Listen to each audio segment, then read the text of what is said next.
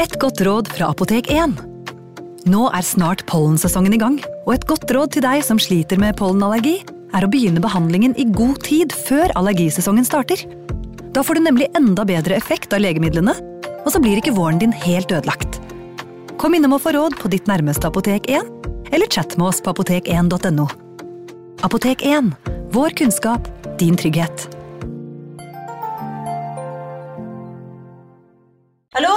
Jeg kommer fra Oslo politikammer. Ine Jansen er purk. Er du purk? The motherfucking bitch. Alt jeg vil, er å finne ut hva som skjedde med mannen min. Jon Carew. Er jeg sikta for noe? Iben Akeli. Det er du. Ole So, Lars Berrum og Big Daddy Karsten. Hvem sin side er du på, egentlig? Anette Hoff, Tone Danielsen, Kommer du fra Afrika? Jørnis Josef, Nesten kløfta. Trond Espen Seim, Det er synd å si det, men det var feil mann som døde. Purk. Premiere tirsdag på TV2 Play. Ungsamtalen fra DNB er økonomisk veiledning tilpasset deg som er ung. Bokk en ungsamtale på dnb.no. slash ung. Det er kjempebra hvis du skal inn på boligmarkedet, hvis det er drømmen din, liksom. Det er det du skulle sagt. Og så kunne du ropt litt mer, da, sånn som jeg gjorde. Bam! Advarsel. Denne podkasten inneholder skildringer av ekte drap og kriminalsaker som kan være støtende for enkelte. Det advares også mot sterke inntrykk i deler av episoden. Klokken 18.08 kommer alarmen til politiet. Pårørende til et eldre ektepar i Mantorp i Sverige har funnet familiemedlemmene sine hjemme. De er døde, og det er mye blod. Klokken 18.28, 20 minutter senere, ankommer politiet gården. De oppdager raskt at de står overfor et brutalt dobbeltdrap. Men hvem ville drepe de to pensjonistene? Hva hadde de gjort for å fortjene det? Drapene i Mantorp rystet Sverige, og når morderen vel blir tatt, blir mange sjokkerte. Velkommen til True Crime-podden.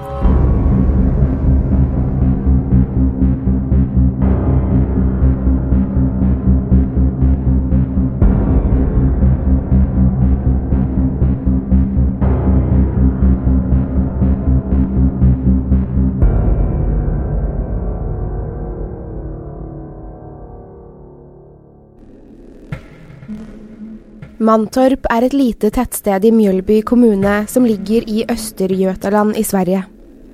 Rett under 4000 mennesker bor i Mantorp, som er kjent for både trav- og motorsportbanene sine. Det skjer vanligvis ikke slike ting i Mantorp, så saken vekket stor oppsikt i det lille samfunnet.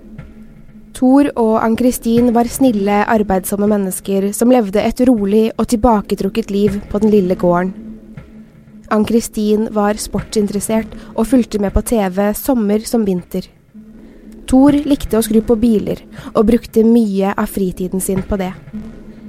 De var pensjonister begge to, og syntes å like den avslappede gårdstilværelsen. Begge beskrives som lette å snakke med og veldig hjelpsomme. Den 12. juni 2017 ble ekteparet funnet i sitt eget hjem. Sitt eget trygge kjøkken, hvor så mange familiemåltider hadde blitt laget. Her hvor de hadde spist frokost sammen, både på grå hverdager og hyggelige festdager. Kjøkkenet, hjemmets hjerte. De visste nok ikke at det var dette rommet som skulle bli det siste de så. Rommet som en gang hadde vært så trygt, så vanlig, skulle bli rommet hvor de trakk sine siste åndedrag. Det var her de skulle dø. Thor og Ann-Kristin hadde ikke gjort noe spesielt den skjebnesvangre helgen. Ann-Kristin hadde vært forkjølet, så de hadde bestemt seg for å ta en stille og rolig helg hjemme. Den forestående tirsdagen hadde de planer, og Ann-Kristin håpet at hun skulle være i form til da. Lørdagen gikk for seg uten større hendelser. Men da familien forsøkte å få kontakt med ekteparet på søndagen, fikk de ikke svar. Det hadde gått nesten et døgn siden familien hadde hørt fra Tore og Ann-Kristin. Flere hadde ringt dem gjentatte ganger, lagt igjen beskjed på svareren, men ingen hadde fått svar. Dette var uvanlig for det koselige ekteparet, som verdsatte det å holde kontakten med sine kjære, og alltid ringte tilbake om de ikke hadde rukket å ta telefonen. På mandagen bestemte de pårørende seg for å sjekke om alt var i orden på gården. Det kunne jo hende noe hadde skjedd, og at de trengte hjelp. Med en ekkel følelse i magen kjørte de pårørende mot gården i Mantorp. Det var noe som ikke stemte. Men før de ringte politiet, ville de se om det fantes en forklaring på hvorfor ingen av dem hadde gitt lyd fra seg. På gårdsplassen så alt normalt ut. Alt sto som det pleide, og ingenting var utenom det vanlige. Gården var likevel uvanlig stille. Som om det ikke var noe liv der. På kjøkkenet i hovedhuset ligger det to mennesker på gulvet, begge nesten under kjøkkenbordet. Det er så mye blod at det raskt blir klart at personene på gulvet ikke lenger er i live. Det er vanskelig å si hvilke skader ofrene har, men de er tydelig bakbundet. Det ser ut som de har blitt teipet eller bundet fast i kjøkkenstolene og mishandlet grovt. Thor og Ann-Kristin svarte ikke på telefonen fordi de var brutalt drept. Pårørende på åstedet får sjokk, de forstår ikke hvem som kan ha gjort noe slikt mot dem. Åstedet bærer preg av voldsomhet, og det ser ut som om noen har lett etter noe. Skuffer, skap og hyller er endevendt, papirer og småting ligger slengt i både stuen og på kjøkkenet der Tor og Ann-Kristin er døde. Det at ofrene ble bakbundet, betyr at de må ha blitt holdt i live en kort periode for en grunn. Gjerningspersonen eller personene ser ut til å ha forsøkt å få informasjon fra dem. Men hva kan det ha vært? Hva kunne de to eldre menneskene ha hatt som var verdt å drepe for? Politiet står overfor et alvorlig og grovt drap. Motivet ser ut til å være et slags ran, men ingen gjenstander fra huset synes å mangle. Normalt, ved ran i hjemmet, pleier ranerne å ta med seg så mye som mulig av verdi, som PC, nettbrett, telefoner, smykker og eventuelt kontanter. Dette kan bety to ting. Enten at selve ranet på åstedet var iscenesatt, eller at morderne var ute etter noe helt spesifikt og ikke brydde seg om f.eks. sølvtøy, klokker og elektronikk. Morderne virket bestemte og målrettede. Morderen eller morderne hadde sneket seg inn på gården, muligens på kvelden, så de kunne skjule seg i skumringen. Stille hadde de listet seg over gressplenen uten å bli sett. Den eller de hadde smøget seg langs husveggen og kikket inn gjennom vinduet. De var der begge to, ekteparet. Verken Thor eller Ann-Kristin hadde hørt dem. Godt forberedt med pistol, teip og kniv tok de seg inn i huset. Med voldsom kraft slo gjerningsmannen eller mennene inn døren. Med et høyt smell forsto Thor og Ann-Kristin at noen hadde tatt seg inn i huset. De hadde blitt så overrasket begge to. Da de så kniven og pistolen, hadde de forstått hvor dette skulle bære, og bedt om å få lov til å leve. De tenkte kanskje at hvis de gjorde som han sa, skulle de få overleve. Begge ble teipet fast til stolene ved kjøkkenbordet, så stramt at det ikke gikk an å bevege armene. De hadde ikke sjans til å komme seg løs. Morderen eller morderne hadde først slått dem i ansiktet med knyttet neve og spurt om hvor bankkortene deres var. Ann-Kristin gråt. Hun var livredd. Paret hadde gjort som inntrengerne sa. De hadde fulgt alle reglene. De hadde gitt dem lommebøkene sine med alle tilhørende koder. Var det penger de ville ha, skulle de få det. Penger hadde ikke noe å si så lenge de overlevde. Morderen hadde slått dem begge, gjentatte ganger, med voldsom kraft. De hadde blødd, hatt vondt og kjent på dødsangsten. Inntrengerne truet dem med pistol flere ganger. Tvang dem til å fortelle hvor alle kontanter og kort var, og trodde ikke på ekteparet da de sa det var alt de hadde. Så tok morderen eller morderne frem kniven. Nå skulle de dø, både Thor og Ann-Kristin forsto det. Her skulle livet deres slutte. Morderen stakk dem med kniven flere ganger. Blodet rant fra flere steder på kroppene deres. Mens de blødde fra åpne sår, tryglet de han om å stoppe. Det var som om morderen ikke hørte etter, som om han var i en slags psykose, eller i en annen verden. Thor ble slått så mange ganger i ansiktet og på kroppen at han falt over ende. Ann-Kristin prøvde å rope på han, men hva hjalp vel det? Morderen tok frem kniven igjen og la hånden under Thors hake. Han trakk Thors hode bakover og satt kniven mot halsen hans. I en jevn bevegelse skar morderen over Thors strupe. Blodet rant så kraftig fra halspulsåren at han døde med en gang. Kroppen falt sammen som en filledukke og ble liggende på gulvet. Ann-Kristin så sin elskede bli drept. De siste sekundene i livet hennes skulle bestå av bunnløs sorg og dødsangst. Det var hennes tur nå. Mantorp får høre om det brutale dobbeltdrapet i kveldsnyhetene. To mennesker er funnet drept på en gård. Ingen er mistenkte. Samtidig begynner ryktene å gå i det lille samfunnet, og alle lurer på hvorfor. Politiet jobber døgnet rundt for å finne ut hvem som kan ha drept Tor og Ann-Kristin, og folk er redde for å være alene hjemme.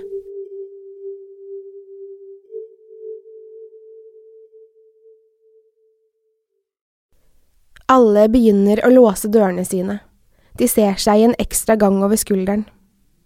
Alle og ingen er mistenkte. Allerede dagen etter funnet av det eldre ekteparet blir et samboerpar tatt inn til avhør. Nyheten skaper en falsk trygghet, for bare én dag senere skal de begge slippes fri. Det viser seg at ingen av dem hadde noe som helst med drapene å gjøre. Dagene går, og ingen nye mistenkte stikker seg ut. Politiet avhører ekteparets venner og familie, og ingen syntes å forstå hvorfor drapene skjedde. Thor og Ann-Kristin holdt seg for seg selv, hadde ingen uvenner og var heller ikke millionærer som oppbevarte store summer penger hjemme.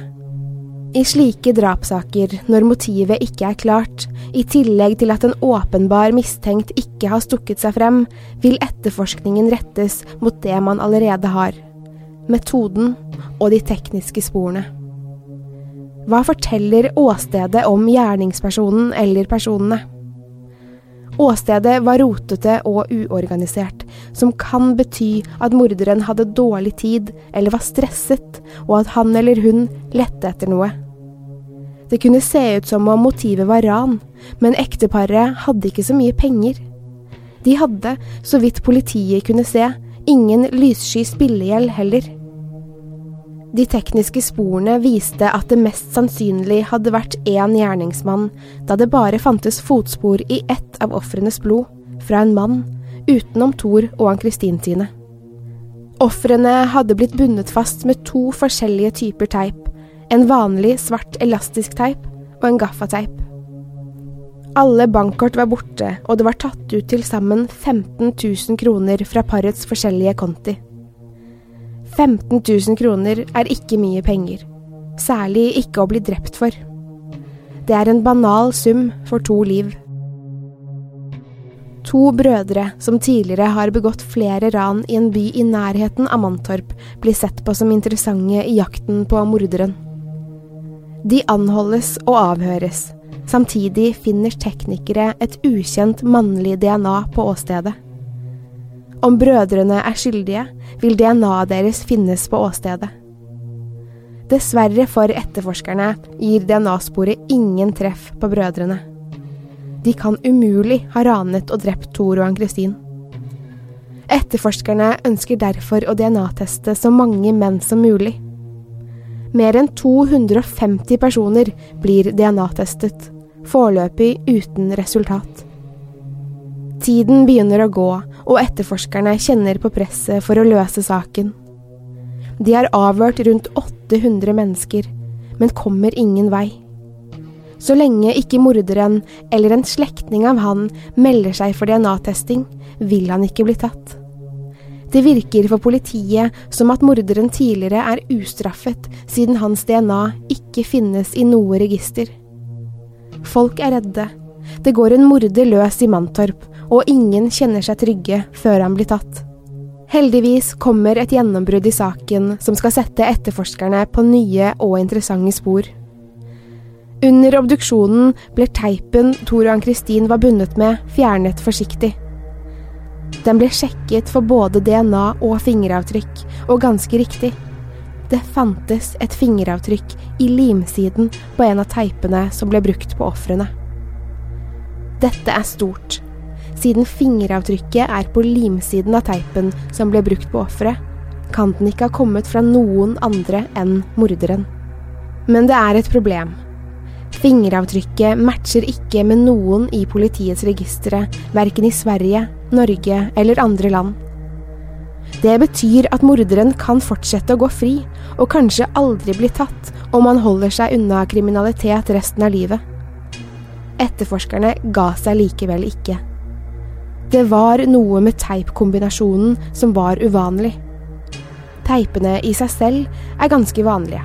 Svart elastisk teip og gaffateip brukes hele tiden. Men kunne svaret på morderens identitet ligge i kombinasjonen? Politiet begynte med å kartlegge hvilke butikker i området som solgte begge typer teip. De forhørte seg med teipimportører og fikk en liste over alle butikker som solgte begge. I hver eneste butikk spurte de om noen hadde kjøpt begge typer teip i tiden rundt da drapet fant sted. 13 personer hadde gjort det. Kun 13.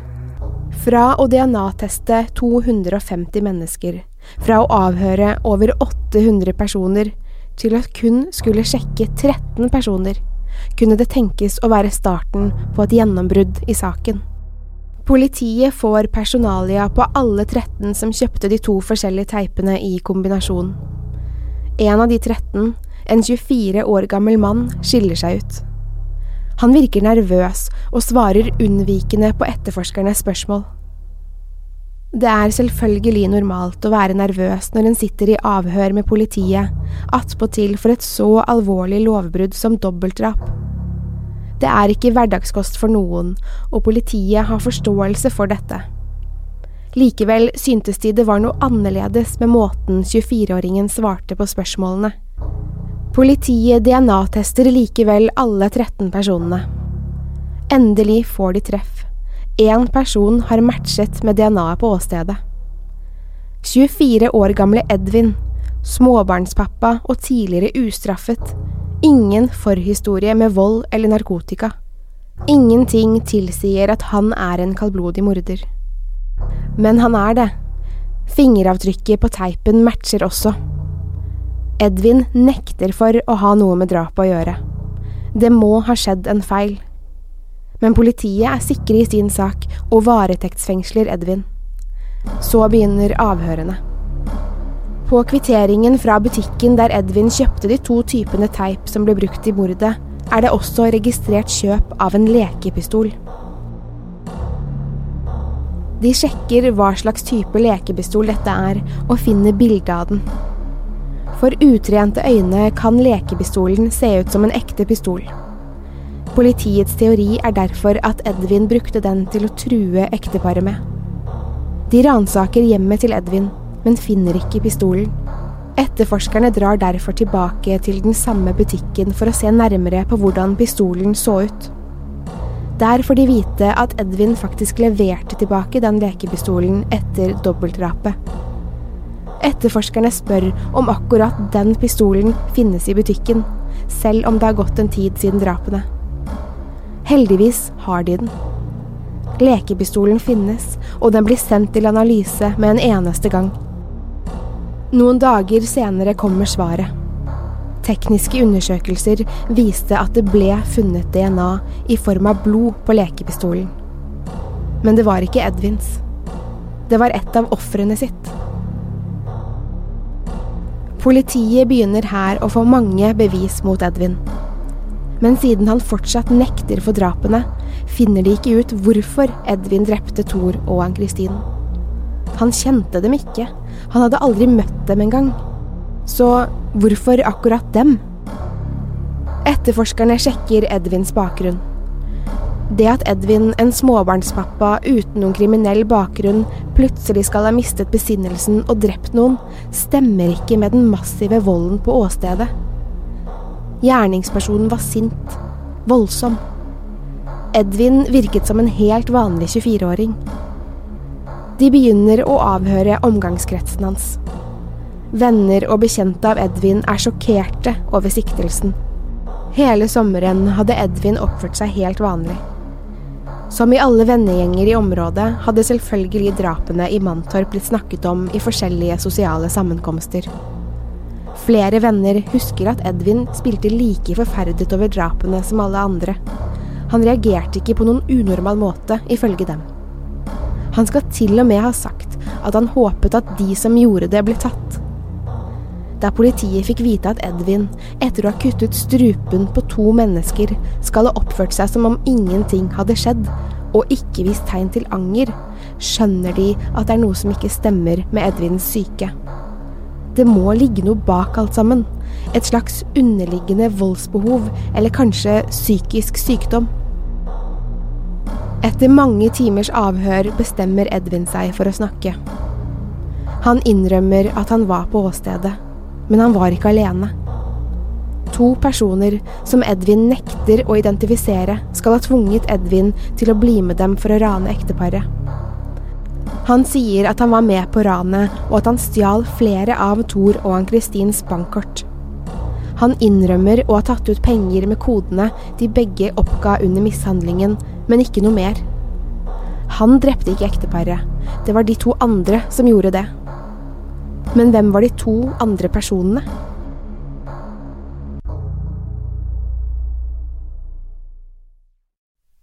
Politiet undersøker muligheten for at det kan ha vært flere enn Edvin på åstedet. Det kan i teorien ha vært slik, men ingenting på åstedet tilsier det. Det finnes kun DNA, fingeravtrykk og skoavtrykk fra Edvin på åstedet. Mobiltelefonen hans viser ikke at han har hatt kontakt med andre i tiden før drapene, og ikke noe av korrespondansen med vennene viser at han sammen med andre skal ha planlagt noe drap. Politiet konkluderer med at Edvin ranet og drepte ekteparet alene. Men hvem var Edvin, og hvorfor ble han en morder? Samme dag som Edvin arresteres, avhøres Edvins mamma, bror og søster. De forteller at han er verdens snilleste, han bryr seg om andre, og at de aldri har sett ham sint. Han kunne aldri ha skadet noen, han elsket barna og samboeren sin så høyt, forteller mammaen. Likevel har Edvins DNA og fingeravtrykk blitt funnet på åstedet. Flere av vennene og samboeren til Edvin tegner et annet bilde enn det den 24-årige småbarnspappaen prøver å fremstå som. Noe helt motsatt enn hva familien fortalte. Edvin har flere ganger vært voldelig og hatt ekstreme voldelige tanker. Edvin hadde et ukontrollerbart sinne, og han hadde flere ganger ringt kompiser og sagt at han var redd han skulle skade samboeren. Han hadde, riktignok, lovet å gjøre det slutt med samboeren før han skadet henne, og samboeren stolte på det. Politiet spurte om samboeren visste om Edvin hadde en såkalt dødsliste, som vennene hans trodde han hadde. Det kunne hun bekrefte. På dødslisten var navnene på mennesker Edvin mente fortjente å dø på grunn av noe de hadde gjort mot han, eksempel å ha sett stygt på han eller sneket i køen foran han på butikken. Edvins dødsliste var lang, men Thor og Ann-Kristin var ikke på den. Edvin hadde også en bisarr interesse for drap og snakket i overkant mye om hvor lett det var å gjemme et lik. Han sa flere ganger, særlig på fest etter å ha drukket alkohol, at hvis han skulle drepe noen, ville han aldri bli tatt. Politiet var sikre på at de hadde rett person, og drapssaken gikk til rettssak. I februar 2018 startet rettssaken mot Edvin, og under rettssaken kom flere urovekkende tanker som Edvin hadde, frem. Blant annet fortalte Edvin dette. Jeg ville drepe mennesker. Jeg ville drepe folk. Alle skulle dø. Alt gjorde meg sint. Jeg var sint hele tiden. Min hjernes måte å håndtere saker på er å planlegge så jeg planla forskjellige mord. i hver minste detalj. Under hele rettssaken nektet Edvin for å ha drept ekteparet. Fortsatt påstår han at han kun hjalp til med å teipe fast ekteparet, og innrømmer at han ranet dem. Han mener hardnakket at han ikke visste at de skulle dø, og at han ikke drepte dem. Det kom også frem etter drapene at Edvin brukte ekteparets penger for å spise middag på Longhorn Steakhouse i Jönköping. Han hadde altså skåret strupen av to eldre mennesker, og deretter spist biff og bakt potet. I mars 2018 kom dommen mot Edvin. Retten trodde ikke på forklaringen hans om at det var to andre som drepte ekteparet.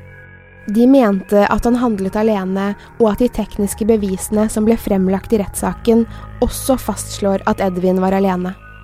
I tiden før rettssaken gikk Edvin gjennom en rettspsykiatrisk undersøkelse for å finne ut om han var strafferettslig tilregnelig, og om han hadde en alvorlig psykisk sykdom. Edvin ble erklært psykisk frisk og kunne derfor straffes dersom han ble dømt for dobbeltdrapene. Og dømt, det ble han. Edvin ble dømt til livstid i fengsel i Linköpings tingrett. Edvin og forsvareren bestemte seg for å anke dommen.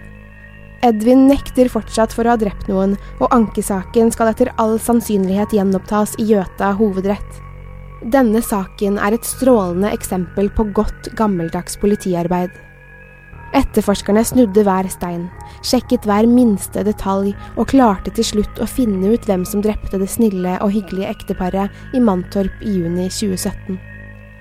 Det tok 13 uker fra drapet skjedde til Edvin ble pågrepet og deretter siktet. I mange tilfeller ser man at grunnen til at en drapssak ikke løses eller morderen frikjennes, er slett arbeid i etterforskningen. I denne saken ønsker jeg å berømme politietterforskerne for den fantastiske innsatsen de gjorde i denne saken. Hva som skjer i ankesaken blir spennende å se, men per nå skal Edvin sitte i fengsel på livstid. Vi i True Crime-podden forlater Mantorp og Sverige for denne gang og forflytter oss til en annen by, et annet sted, til et annet drap. I mellomtiden kan du se bilder fra denne saken på vår Instagram-konto, der heter vi True Crime Norge, og på vår Facebook-side som heter True Crime Podden. Har du innspill til episoden, eller kanskje tips til en sak du gjerne vil høre, send oss mail på post at truecrimenorge.no. Takk for at du har hørt på True Crime Podden.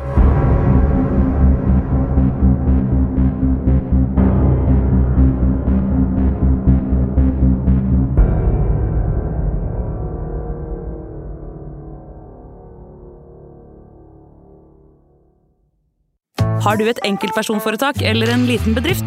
Da er du sikkert lei av å høre meg snakke om hvor enkelt det er med kvitteringer og bilag i fiken, så vi eh, gir oss her, vi. Fordi vi liker enkelt. Fiken superenkelt regnskap.